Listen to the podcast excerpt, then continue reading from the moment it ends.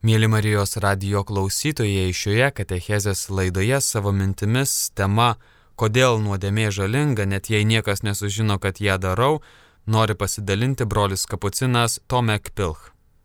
Garbėsiu Kristui, e, rugsėjo 23 dieną e, bažnyčios liturgijoje yra minimas šventasis tėvas Pijus, kunigas kapucinas. Ta proga pabandysiu atsakyti į klausimą, man užduotą klausimą, kodėl nuodėmė žalinga, net jei daroma slapčia. Mano pranešimas e, turės tris dalis. Pirmoji daly e, trumpai pristatysiu tėvo, švento tėvo Pijaus e, biografiją.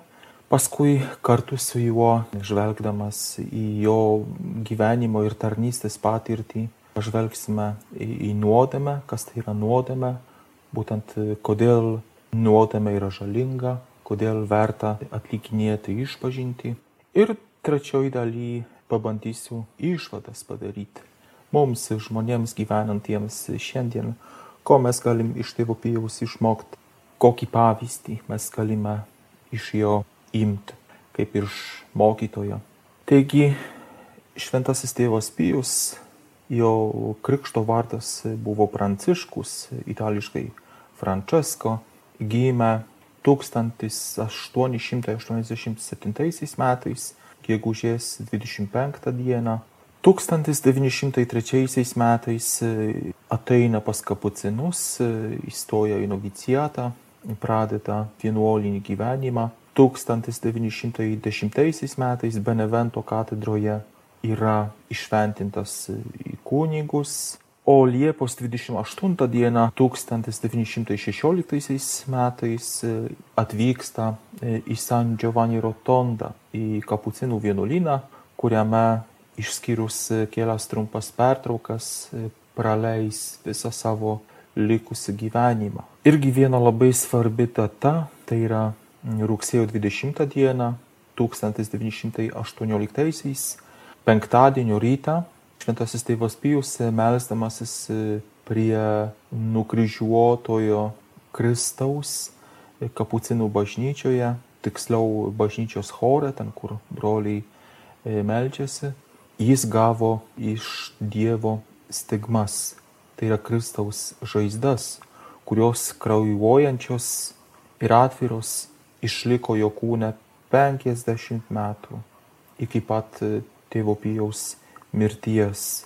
Šventasis tėvas Pijus buvo apdovanotas ant gamtiniais sugebėjimais, charizmomis, dovanomis. Pavyzdžiui, galėjo skaityti žmonių mintis, matyti jų nuodėmes, apie tai dar vėliau papasakosiu. Taip pat pasižymėjau pranašystės dovaną. Dar vienas toks reikšmingas dalykas iš jo gyvenimo dažnai taip atsitikdavo, kad tėvas Pijos būdavo dviejose vietose. Mums tai yra neįmanoma, kai pagalvojam, kaip tai įmanoma, kad žmogus būtų dviejose vietose. Taip vadinama bilokacija. Dviejose vietose būtų jisai turėjo tokią dovaną ir tai yra įrodyta. Taip pat e, labai daug žmonių e, patyrė išgydymo, e, pavyzdžiui, būsimojo popiežiaus Jono Pauliaus antrojo pažįstama daktarė gydytoja Vanda Pultavska, jinai buvo susirgusi vėžių. Ir Karolis Voitila, tuometinis Krokuvos vyskupas, arkivyskupas, rašo laišką tėvui Pijui, kad pasimelstų už tą gydytoją.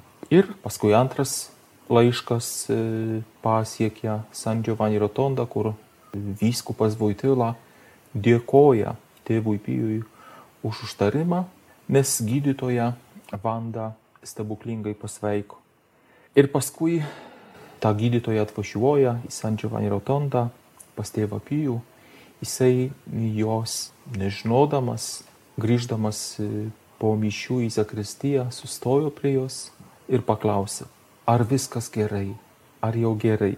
Tai buvo ženklas, kad jisai tikrai žino, kas jinai tokia, iš kur atvažiavo. Tokių e, panašių istorijų. Tėvo Pijaus gyvenimą yra labai daug, tūkstančiai turbūt arba dar daugiau.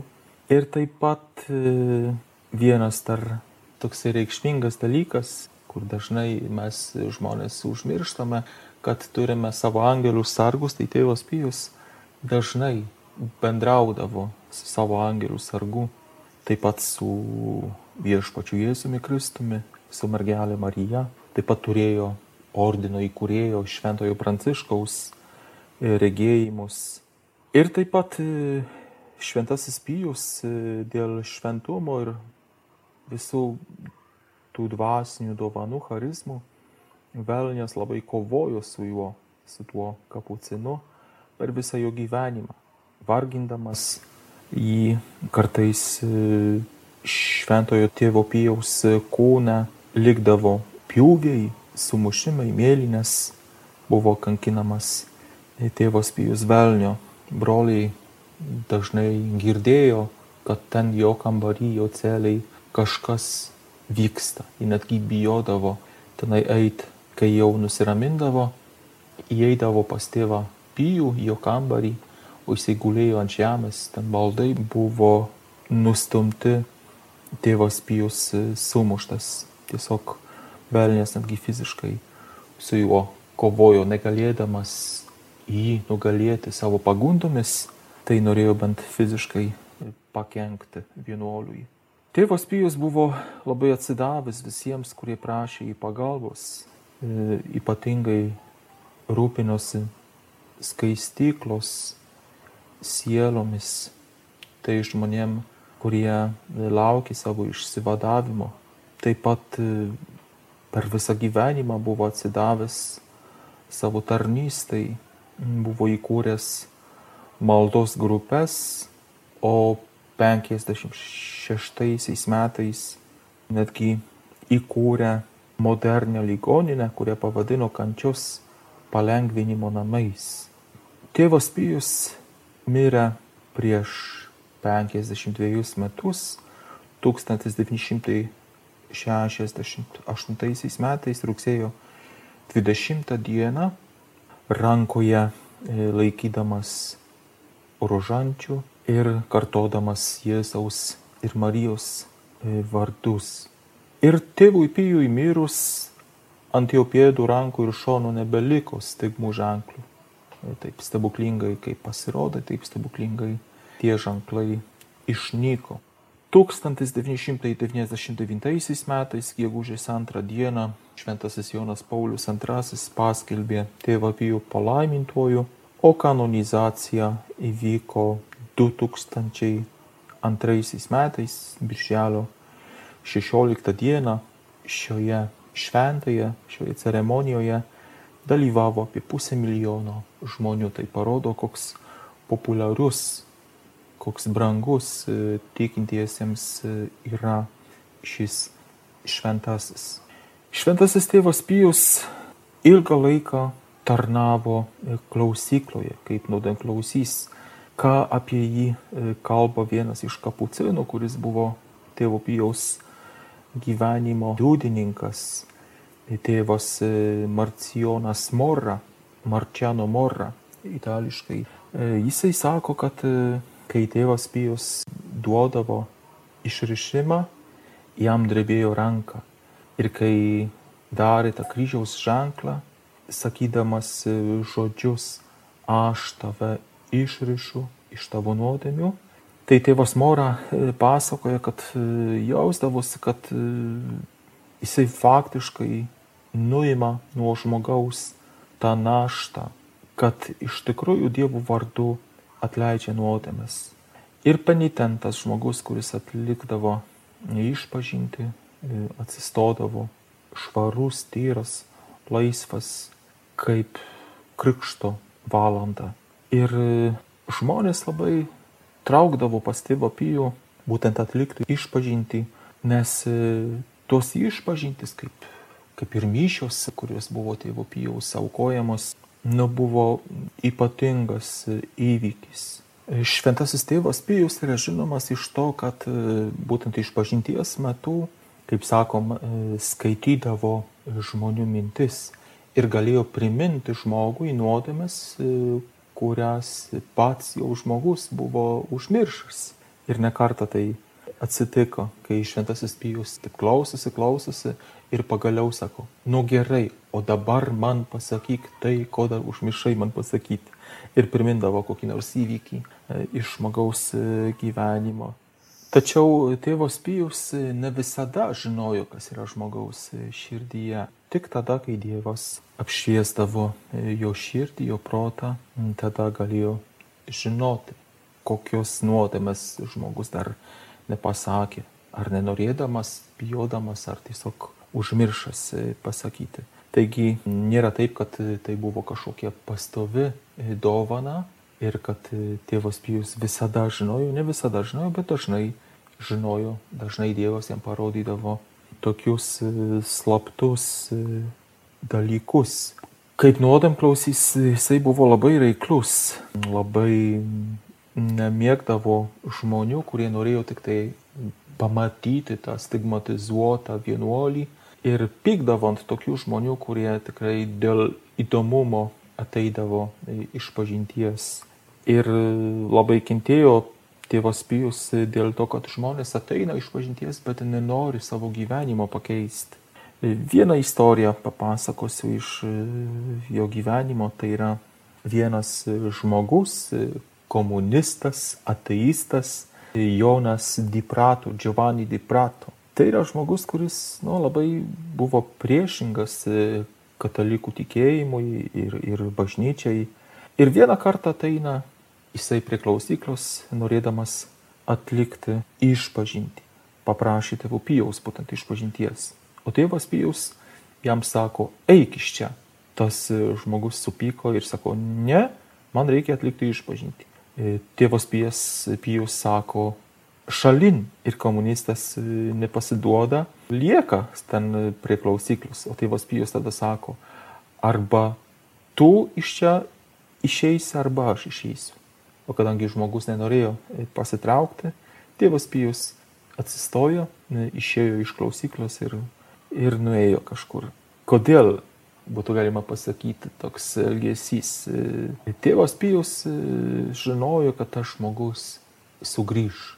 Žinojo, kad jame jau vyksta atsivertimas ir kad ateis laikas, e, kad tas žmogus sugrįž. Ir iš tikrųjų sugrįžo, e, tačiau ir toliau tėvas Pijus jam sako, tavo kelias yra sunkus, bet kaip aš galėčiau tau duoti išrišimą, jeigu tu neateini į šventasis mišes, jeigu tu sekmadienį nedalyvauji mišiose. Pradėk vaikščioti į mišes, o tada duosi tau išrišimą. Ir tas komunistas Giovanni Jonas patenkintas grįžta pas tėvą Pijų ir sako, va jau aštuonis kartus buvau mišiose, dabar jau privalai man duoti išrišimą. O tėvas Pijus paklausė, o į kurias mišes, kalintą valandą eidavai į tas mišes? Ir komunistas e, jam atsako, pusė septynių ryte. Matai, tėvė Pijau, kaip aš pasišventinau? Ir tėvas Pijus jam sako, o tai tavo parapijoje nėra kitų mišių? Ir žmogus jam atsako, Nu yra kitos mišės, e, tačiau ką žmonės pasakytų, jeigu pamatytų, kad komunistas e, Jonas Diprato ateina į mišes. Ir ką tėvas Pijus padarė? E, vėl jam sako, tai ir šį kartą eik šalin, neduosi tau išrišimo. Aišku, tai buvo nelengvas išbandymas iš tėvo Pijaus pusės tam žmogui, bet iš tikrųjų tas Jonas Diprato E, tas buvęs komunistas tapo vienu iš e, tėvo Pijaus e, tokių draugų, bičiulių ir įsijungė į tėvo Pijaus maldos grupeles, tapo vienu iš tų grupelių vadovų. Paskui prie Florencijos pastatė netgi bažnyčią ir tokį dvasingumo centrą, kurį pavadino tėvo Pijaus vardu tai matome, kad iš komunisto žmogus e, tampa labai tokių atsidavusių e, katalikų, tikinčiojų.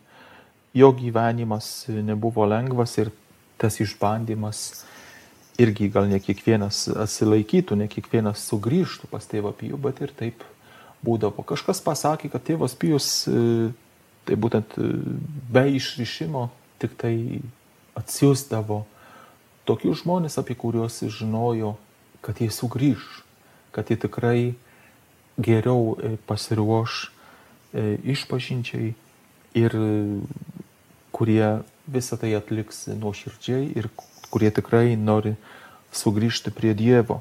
Šventajam tėvui Pijui labai rūpėjo, kad e, išpažintys, e, kurias žmonės atlieka, kad būtų gilios ir nuoširdžios. Jis e, labai nekentė nuodėmių ir labai mylėjo žmonės. Mylėjo žmonės, bet aišku, prieš tai mylėjo, labai mylėjo Dievą. Ir toje Dievo šviesoje tos nuodėmes, netgi tos pačios mažiausios, e, kad ir jas reikia išpažinti, kad ir jų reikia atsisakyti. Tėvas Pijus sakydavo, kad e, net jeigu kambarys buvo uždarytas, vis tiek savaitai praėjus būtina nuvalyti dulkes. Be to tėvui Pijui išpažintis nebuvo tik tai nuodėmių atidavimas viešpačiui, nuodėmio išpažinimas. Išpažintis, taip mokė tėvas Pijus, tai yra ir egzortas, kuris e, išlaisvina nuo e, piktojo įtakos.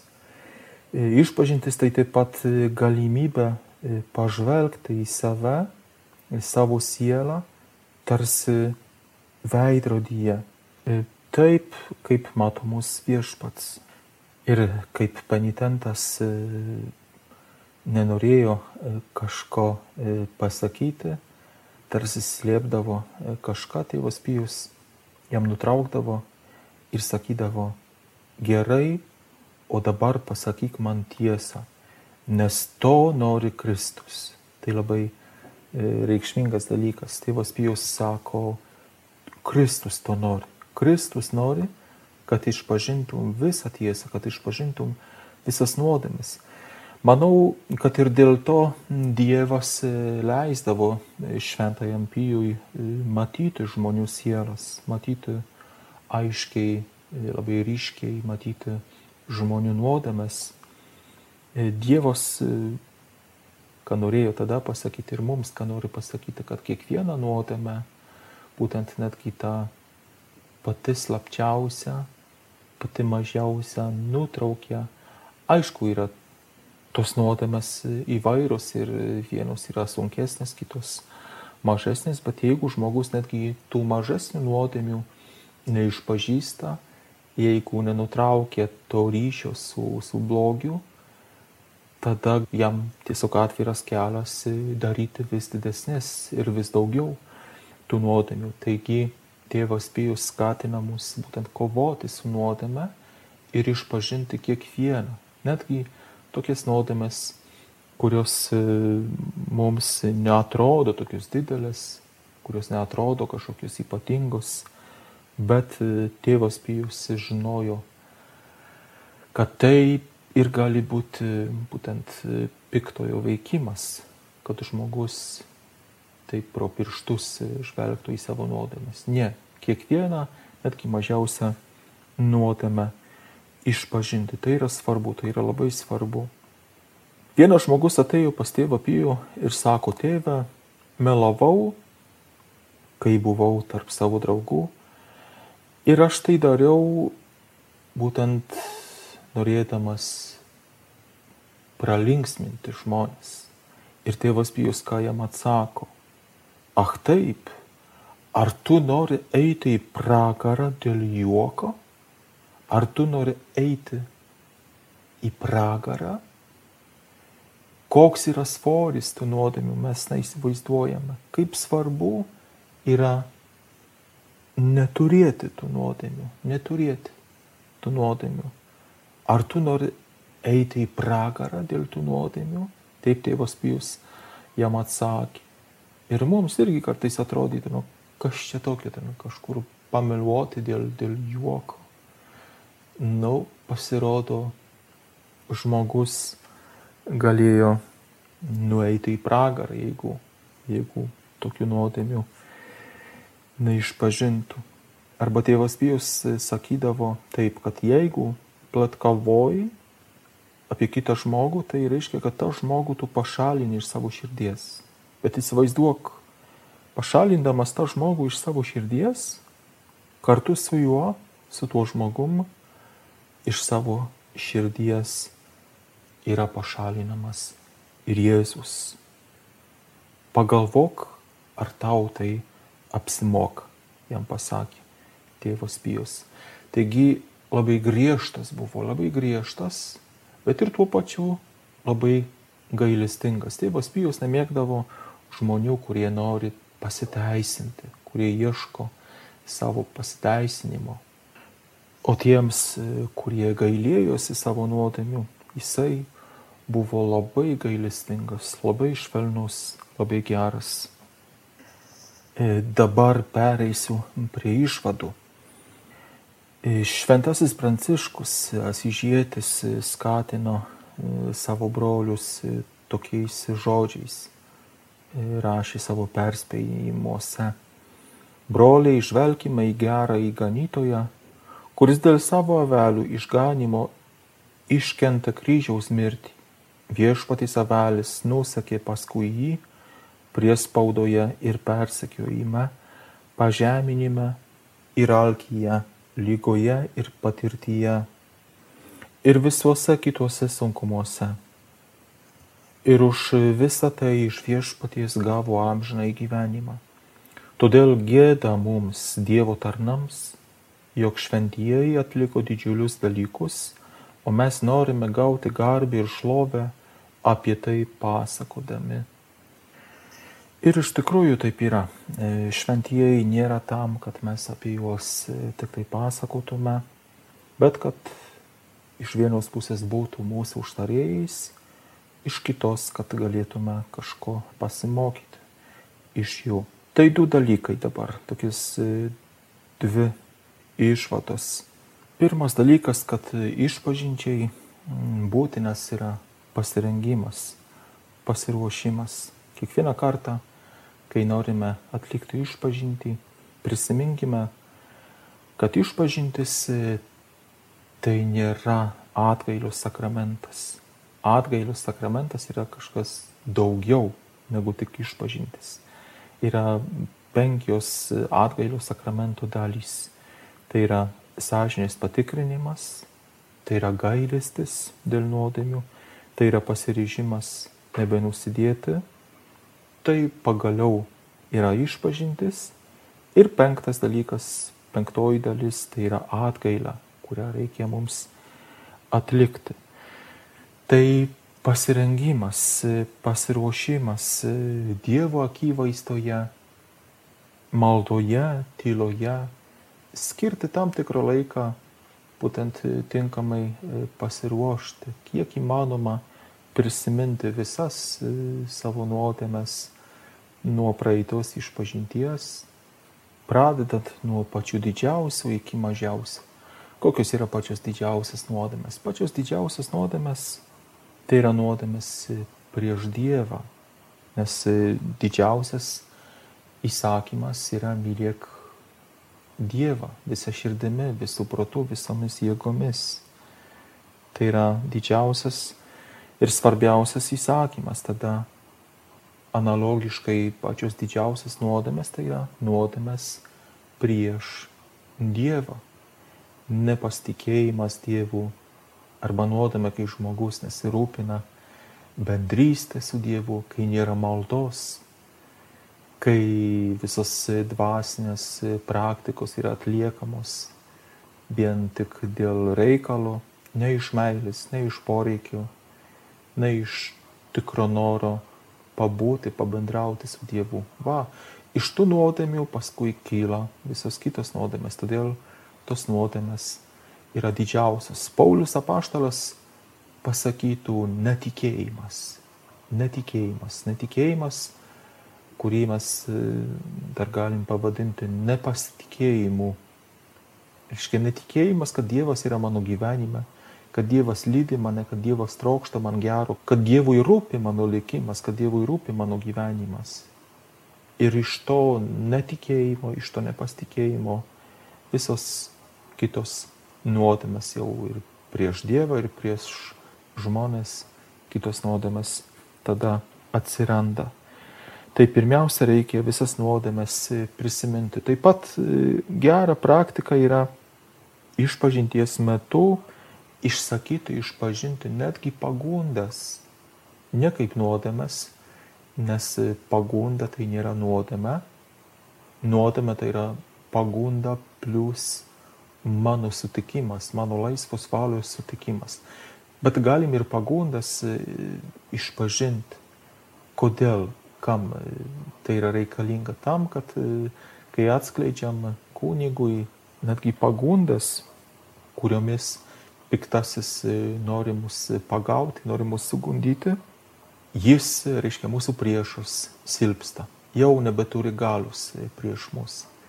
Toje dvasinėje kovoje labai gera praktika netgi pagundas atskleisti kunigui. Tai pirmas žingsnis besiruošiant būtent išpažinčiai, atgailiai.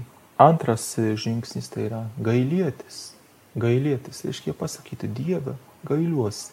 Kai visas tas nuodėmės prisiminsime, tada pasakome maldoje, Dieve, tu mano tėvas, tu mano Dievas, o aš tau nusidėjau, gailiuosi, gailiuosi, nenorėčiau taip toliau gyventi, nenorėčiau taip daryti. Norėsiu ir noriu gyventi kitaip, noriu gyventi šventai. Ir iš karto pereinam prie to pasiryžimo nebenusidėti. Aišku, mes negalim pasiryžti, kad Dievą tikrai niekada jau nebenusidėsiu, nes negalim tokio pažado Dievui duoti, bet galim pažadėti taip. Dieve, viską padarysiu, kad tik nenusidėčiau. Stengsiuos, darysiu viską ir vengsiu progų nusidėti. Viską padarysiu, kiek man pavyks bus matyti, bet e, viską padarysiu, kad tik nebenusidėčiau. Va ir tik e, taip pasiruošę galime eiti prie klausyklos e, savo nuodėmių išpažinti. Po išpažinties tai paskutinis penktas žingsnis yra atgaila. Skirta kunigo skirta atgaila reikia mums atlikti arba jeigu reikia atsilyginti už padarytą skriaudą artimui ir kažkokius žingsnius daryti būtent atsivertimui link. Tai viena tokia pirma išvada, kad pasirengti, gerai pasiruošti išpažinčiai. Šventasis tėvas Pijus skatindavo, ragindavo žmonės atlikti išpažinti kartą per savaitę. Kartą per savaitę. Ir taip maždaug jo dvasiniai vaikai atlikdavo išpažinti kartą per savaitę. Vėlgi kažkas pasakytų, ką aš ten pasakosiu kunigui, jeigu taip mažai laiko, bet net jeigu su vienu dalyku ateisi, tai gerai. Net jeigu su vienu dalyku ateisi, vieno dalyko išpažinti, tai gerai. Nes e, kaip šventasis tėvas Pijus sako, tai nėra tik tai išpažintis, tai yra ir egzortas, tai yra ir kova su piktosiam dvasiam. Ir antra išvada, tiesiog e, galim būtent e, prašyti šventojo tėvo Pijaus užtarimo. Jisai mums yra ne tik pavyzdys, kaip atlikti išpažinti, kaip pasiruošti atkailiai, bet ir yra mūsų užtarėjas, o kad šventasis tėvas Pijus veikia ir šiandienos jau, šiandien pats jisai negali atlikinėti išpažinčių, e, negali klausyti išpažinčių, nes jau yra danguje, negali tarnauti mums, bet vis tiek pasitarnauja jau kitokiu būdu. Atsimenu, mm, mūsų vienas dėstytojas Krokuvoje pasakojo, vienas iš mūsų brolių, pasakojo mums, būtent kaip studentas, jisai rašė disertaciją iš psichologijos Ir kai studentai iš Romos e, vasarą važiuodavo būtent e, iš pažinčių klausyti, padėti į San Giovanni Rotondą, nes ten labai daug žmonių atvažiuoja ir skirtingom kalbom e, reikėjo nuodėm klausių būtent. Ir jisai vieną kartą sėdėjo klausykloje, tos klausyklos kiekviena turėjo savo numerį, nes žmonės ten užsirašydavo išpažinčiai Ir vieną dieną jisai sako, ateina moteris ir sako, tėve, aš turiu tokių ir tokių problemų. Ten jinai turėjo psichologinių problemų. Ir tas mūsų brolis e, sako tai moteriai, labai gerai e, patekote, aš galėsiu jums padėti, nes aš esu psichologas, ne tik kunigas, bet ir psichologas. Ir ta moteris sako, aš žinau, Tada tas mūsų brolis nustebęs sako, iš kur jūs žinot, kad aš psichologas?